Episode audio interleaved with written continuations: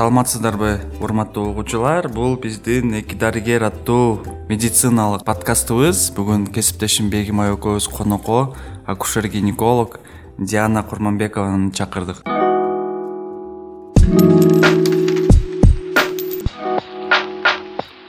Саламатсызбы диана? Саламатсызбы. Саламатсызбы диана. Рахмат келип кеткениңизге. Биринчи сурообузду баштайлы акушер гинеколог? Жөнүндө бир аз түшүндүрүп берсеңиз сиздин э, жумушуңуз эмнеде? Акушер гинеколог э, биз ошол окуп жүргөндө эле тандаган кесип ошол айымдарга жардам берип э, жаңы дүйнөгө жаңы нерселерди алып келгенге жардам берип ушундай бир жакшы кесиптердин бири. Колубуздан келишинче кызматыбызды аткарып жатабыз. Жай айларында ошол обсервация болуп атты биздин э, экинчи роддомдо ал жака кирип дагы айымдарга жардам берип ошол дарылантып ошол колубуздан келген бүт эмнени билсек баарын ошону аткарып аттык менимче мындай эң жоопкерчиликтүү кесиптердин бирөөсү деп эсептейм себеби наристени дүйнөгө алып келүү жанагы эч кандай бир жараксыз патологиясы жок алып келүү. Менимче кийинки этапта кандай жашоодо жашайт деген үчүн менимче жоопкерчиликтүү бир кесиптердин ээси болсо керек. Диана бир аз скромныйраак орусча айтканда скромныйраак жооп берип койду.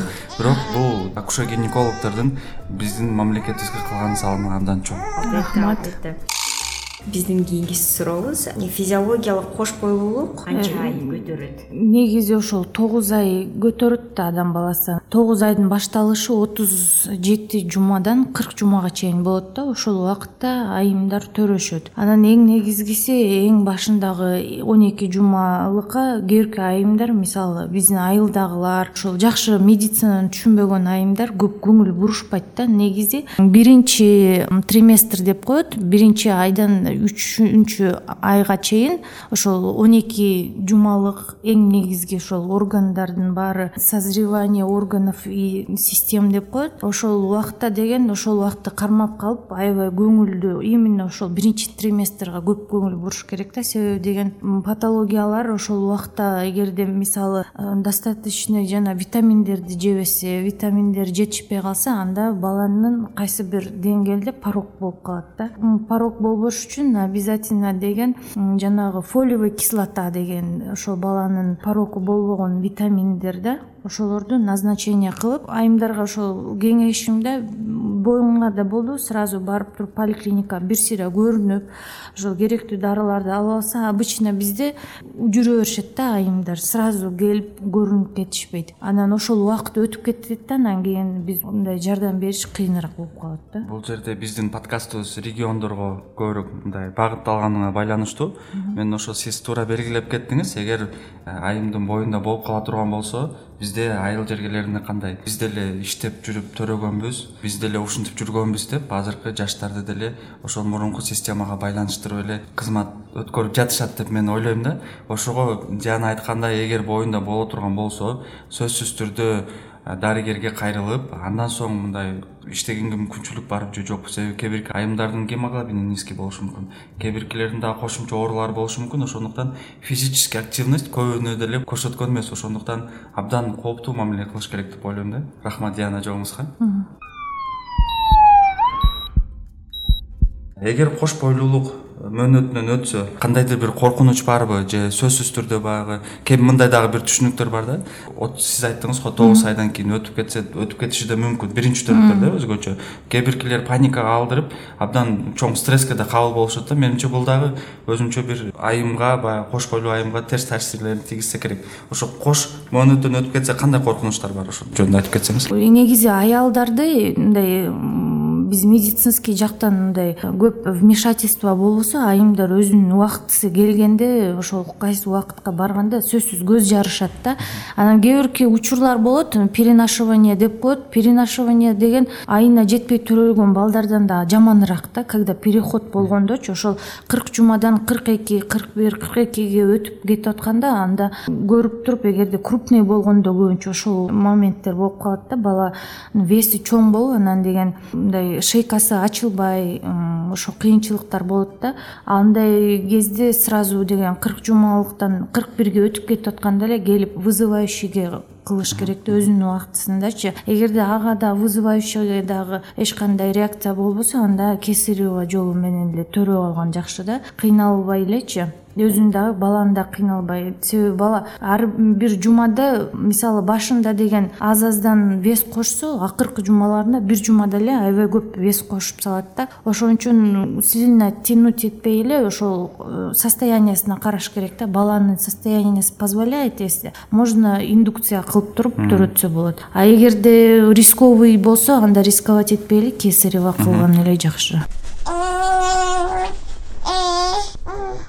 мен өзүмдүн жеке тажрыйбамды да айтып кетсем өзүм менин жубайым дагы кырк биринчи жумада төрөдү. Крупный плод болду төрт килограмм жети жүз грамм болду. Бул абдан чоң плод деп эсептелет. Жана сиз айткандай кыйналуу учур деген. Албетте бул кош бойлуу айым үчүн абдан кыйынчылыктарды көрсөтөт экен. Себеби баягы чыгуу маселеси ошо жаатта. Абдан чоң анан бир топ убакытка чейин убакыт кетип калат экен да. Бул жерде коркунучтар кандай коркунучтар бар? Кровотечение болуп кетиши мүмкүн. Ооба. Э, эгер айымда гемоглобин төмөн боло турган болсо анда бул балким баягы айымдын каза болушуна чейин деле алып келиши мүмкүн да. Ошондуктан абдан кылдаттуу мамиледе жасашыбыз керек. Рахмат жооңузга мына көптөгөн бир терминологиялар бар го. Акушерство гинекологиядачы ошолордун бири маловодие анан кийин многоводие деп коет го баланын жаткан жериндеги суу. Ошону түшүнүктүү кичине түшүндүрүп берсеңиз. Э, маловодие деген бул маловодие дагы многоводие дагы обычно ошол инфекция болгондо болот да.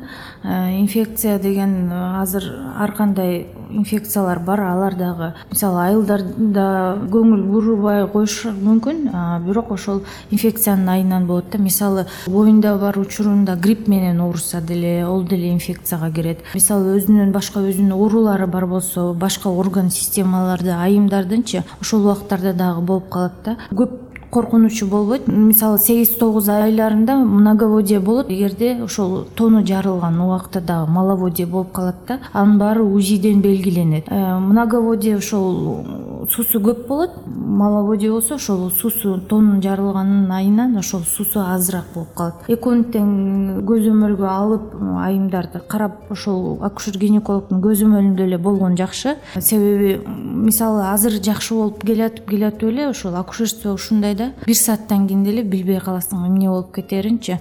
Ошон үчүн кылдаттык менен айымдар ошо көзөмөлдө болгону жакшы да. Ошонун баары инфекциядан болот. Ошо айттыңыз э, тоону жарылып кетиши мүмкүн кандайдыр бир симптомдору болобу ошонун? Тону жарылгандын симптомдору болот. Мисалы айымдар билбей калат да көбүнчө ошол же тону жарылганбы же э, аябай бала крупный болгондо дагы мочеиспускание деп коет ошол экөөнү алмаштырып алышы мүмкүн да. Анда деген мондай постепенно деген э, суу кете баштайт. Ошол убакта деген акушер гинекологко барып көрсөтсө бизде арборизация деген анализ бар. Сразу лабораториядан көрсөтөт суу кетип атса суу кетет дейт а эгерде моча менен алмаштырып алса анда отрицательный анализ чыгат. Ошол анализден билинет да демек тест бар турбу атайын э?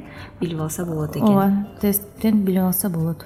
Чоң рахмат. Андан дагы менин бир кезектеги суроом бар эле. Төрөт убагында болгон алсыздык деген эмне бул? Физиологиялык процесспи же патологиялык процесспи төрөп атканда төрөт деген аябай кыйын болот да. Себеби дегенде мисалы төрөттө өзү эле айымдардын ар бир сөөгү сынып кайра ордуна келгендей эле э, процесс болот да. Анан деген э, сөзсүз түрдө оору болот. Кээ бирки айымдар ооруга аябай э, көтөрө алышпайт а кээ биркилери деген мындай билинбей эле өтүп кетет да. Кээ биркилерин ал организмдин өзүнүн особенностисинен болот.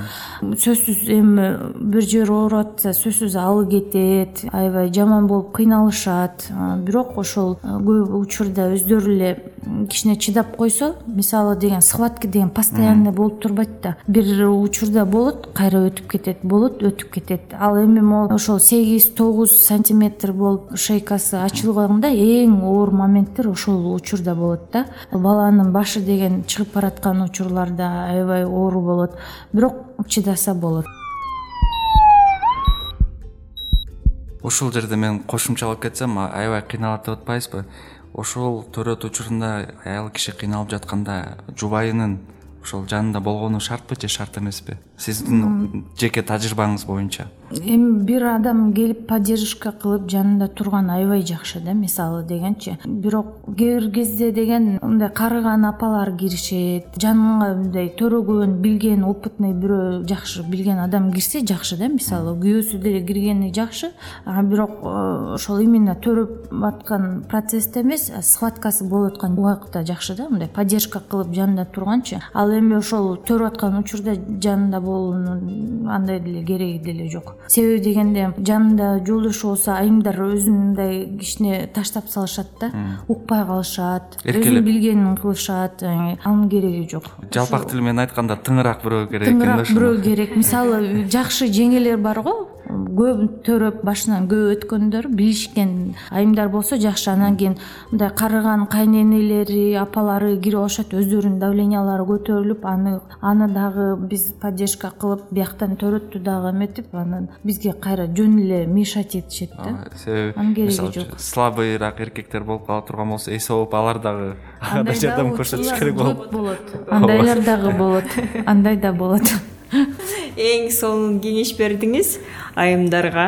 Себеби дегенде азыр модага айланып атпайбы өздөрүнүн жолдоштору кирип атышат көбүнчөчү э, партнерские роды деп э? Да биз билишибизче э. азыр эми могу ковид учурунда азыр эч ким кирбейт. Азыр деген бүт больницаларда андайга уруксат берилбейт. Себеби могу вирус инфекция болуп аткандан кийин азыр роддомдорго ашыкча эч ким кирүүгө болбойт. Рахмат рахмат жообуңузга биздин кийинки сурообуз сизге. Ошол айтып кетпедиңизби төрөт э, оор болот жеңил болот деп э, организмдин особенностунан экен. Бирок алдын ала э, азыр э, мода болуп атат го төрөттүн алдында курстарга барышып же болбосо йога анан фитнес мындай э, атайын кош бойлуу айылдарга ошол жөнүндө кичине айтып берсеңиз. Бизде деген мындай да мурда биздин апалар деген жайлоодо жүрүп а, бүт натуральный нерселерди жеп натуральный сүт каймактарды жеп анан жайлоодо деген тың тың болуп мындай жумушка дагы тың болушчу да анан бат кыймылдап бат бүт жумуштарды аткарып атып ошон үчүн апаларыбыз деген оңой эле төрөшчү да. Азыр бизде деген мондай айымдар квартираларда же эми азыр үйдө деле андай оор жумуш кыл- кылгандар аз да. Ошол себептен э, мисалы төрөткө жакыныраак учурда ошол э, үйдү уборка кылып мисалы отуруп полду жууп көбүрөөк ошол кыймылдаган аябай басыш керек. Особенно ошол биринчи төрөгөн биринчи төрөттөр да көбүрөөк кыймылдаса өзүнө эле жеңил болот. Ал эми өзүн сактап монтип өзүн кыйнабай мындай азыраак кыймыл кылышса анда өзүнө эле кыйын болот да. Ошон үчүн деген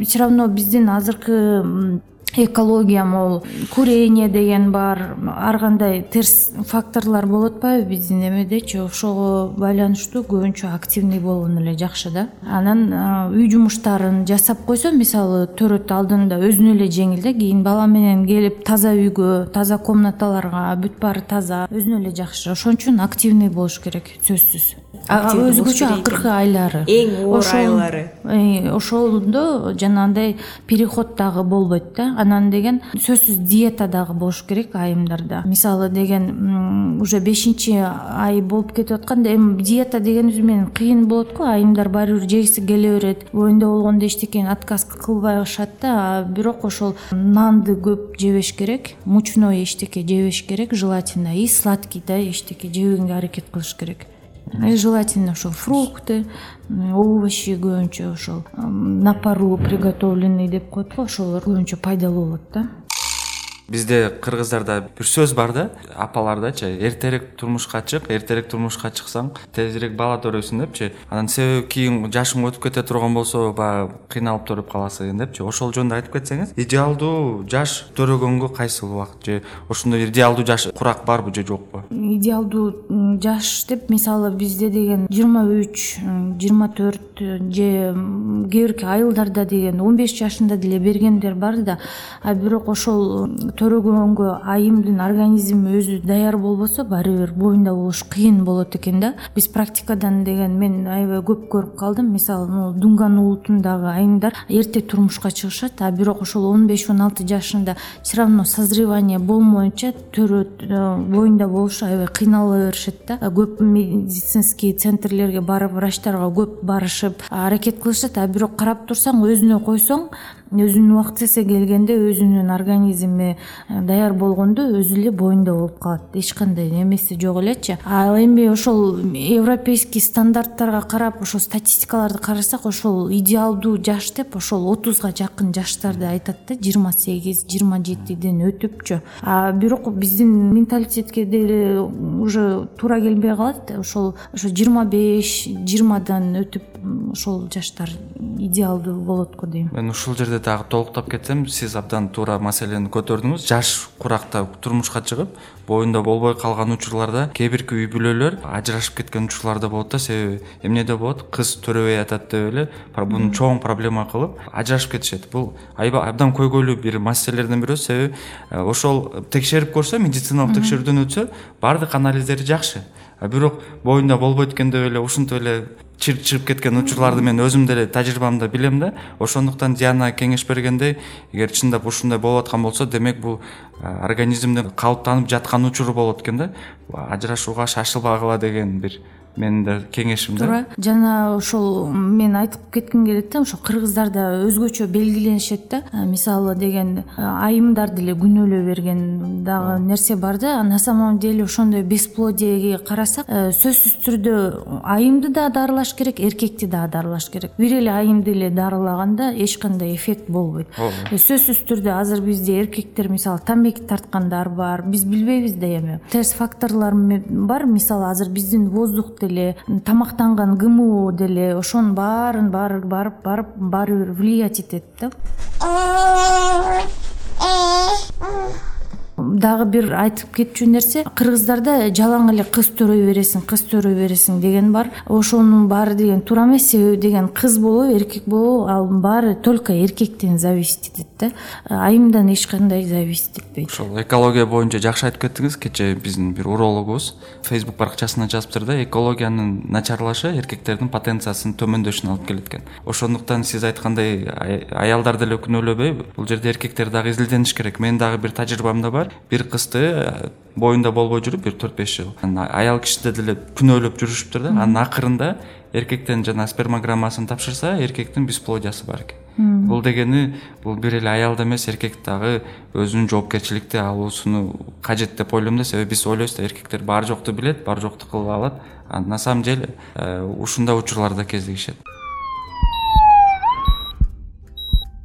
кесиптешим сиз аябай э, баса белгилеп кеттиңиз. Баланын жынысы бул эркектен болот депчи. Биз билгендей эле эркектердики x y хромосома аялдыкы x x э кайсынысын берсе баары бир деле кыз боло берет. Аял кишиники да жакшы ушул түшүнүктү унутпасын биздин элдерибиз дагы билсин дагы кийинки биздин сурообуз бар эле сизге. Биринчи төрөт экинчи төрөт деп биз э, убагында ошентип окуп жүргөндө айтып калышат эле. Биринчи төрөт дайыма оор келет анан экинчи төрөт э, кичине жеңил келет депчи. Бул туурабы же туура эмеспи. Бул туура түшүнүк. Э, себеби дегенде биринчи төрөт эми биринчи төрөт да. Баары бир деген биринчи төрөт мына баланын башы чыгыш үчүн жанагы жолдор деген акырындап бир сантиметр бир миллиметр саатына бир бирден ачылат да. Анан ошол үчүн э, биринчи төрөт долгийраак болот да. Он эки саат болот баары бир биринчиси кыйыныраак болот а бирок деген э, бир төрөт бир төрөт бири бирине баары бир окшош болбойт. Бешинчи төрөт деле ошондой кыйын болуп калышы мүмкүн да. Анын баары мисалы бала крупный болуп калса жана мен айтып атам го диета кармабай э, мучной жеп анан кыймыл аз болуп анан деген могу квартирада жашаган айымдар көбүнчө кыймыл аз болот да. Ошон үчүн деген баары бир бири бирине окшошпойт. Бирок биринчи төрөт баары бир кыйыныраак болот. Болот мисалы айымдар беш алтыны өздөрү төрөп туруп эле анан кийин алтынчысын кесарево болуп калган болот да. Ал ошол баланын крупный болуп калганынан же болбосо алга чейин мисалы шейкасын лечение кылып шейкасын э, жанагындай эрозия деген болуп атпайбы азыр бизде. Поликлиникалар көбүнчө эрозия деп туруп анан кийин шейканы кесип коюшат да андай учурда айымдар өзү төрөй албай калышат. Анда сөзсүз түрдө кесарево болуш керек болот да. Анан ошондой көп факторлор бар да. Мисалы ошон үчүн бири бирине окшош болбойт. А бирок ошол все равно биринчиси оор болот дайыма. Жоопторуңузга чоң рахмат диана бүгүн абдан көйгөйлүү маселелерди менимче козгодук деп ойлойм. Бирок бул акушерство гинекология мындай чоң бир предмет болгондуктан менимче бул тема менен сүйлөшө берсек бир күн да жетпей калышы мүмкүн. Менимче эгер биздин угармандарыбыздын кошумча суроолору боло турган болсо биздин facebook instagram баракчаларда суроо калтырса келечекте биз диана менен сүйлөшүп дагы ошол суроолорго жооп бергенге аракет кылабыз. Келгениңизге чоң рахмат. Биз эки дарыгер аттуу медициналык подкастыбызды аяктайбыз угушканча саламатта калыңыздар.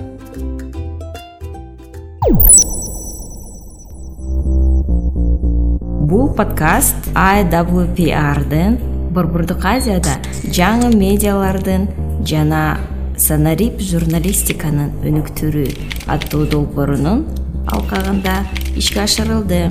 Бул эпизоддун мазмуну көз караштары ой пикирлери жана алардын чечмелениши подкасттын авторлоруна таандык жана iwprдын расмий көз карашына дал келбеши мүмкүн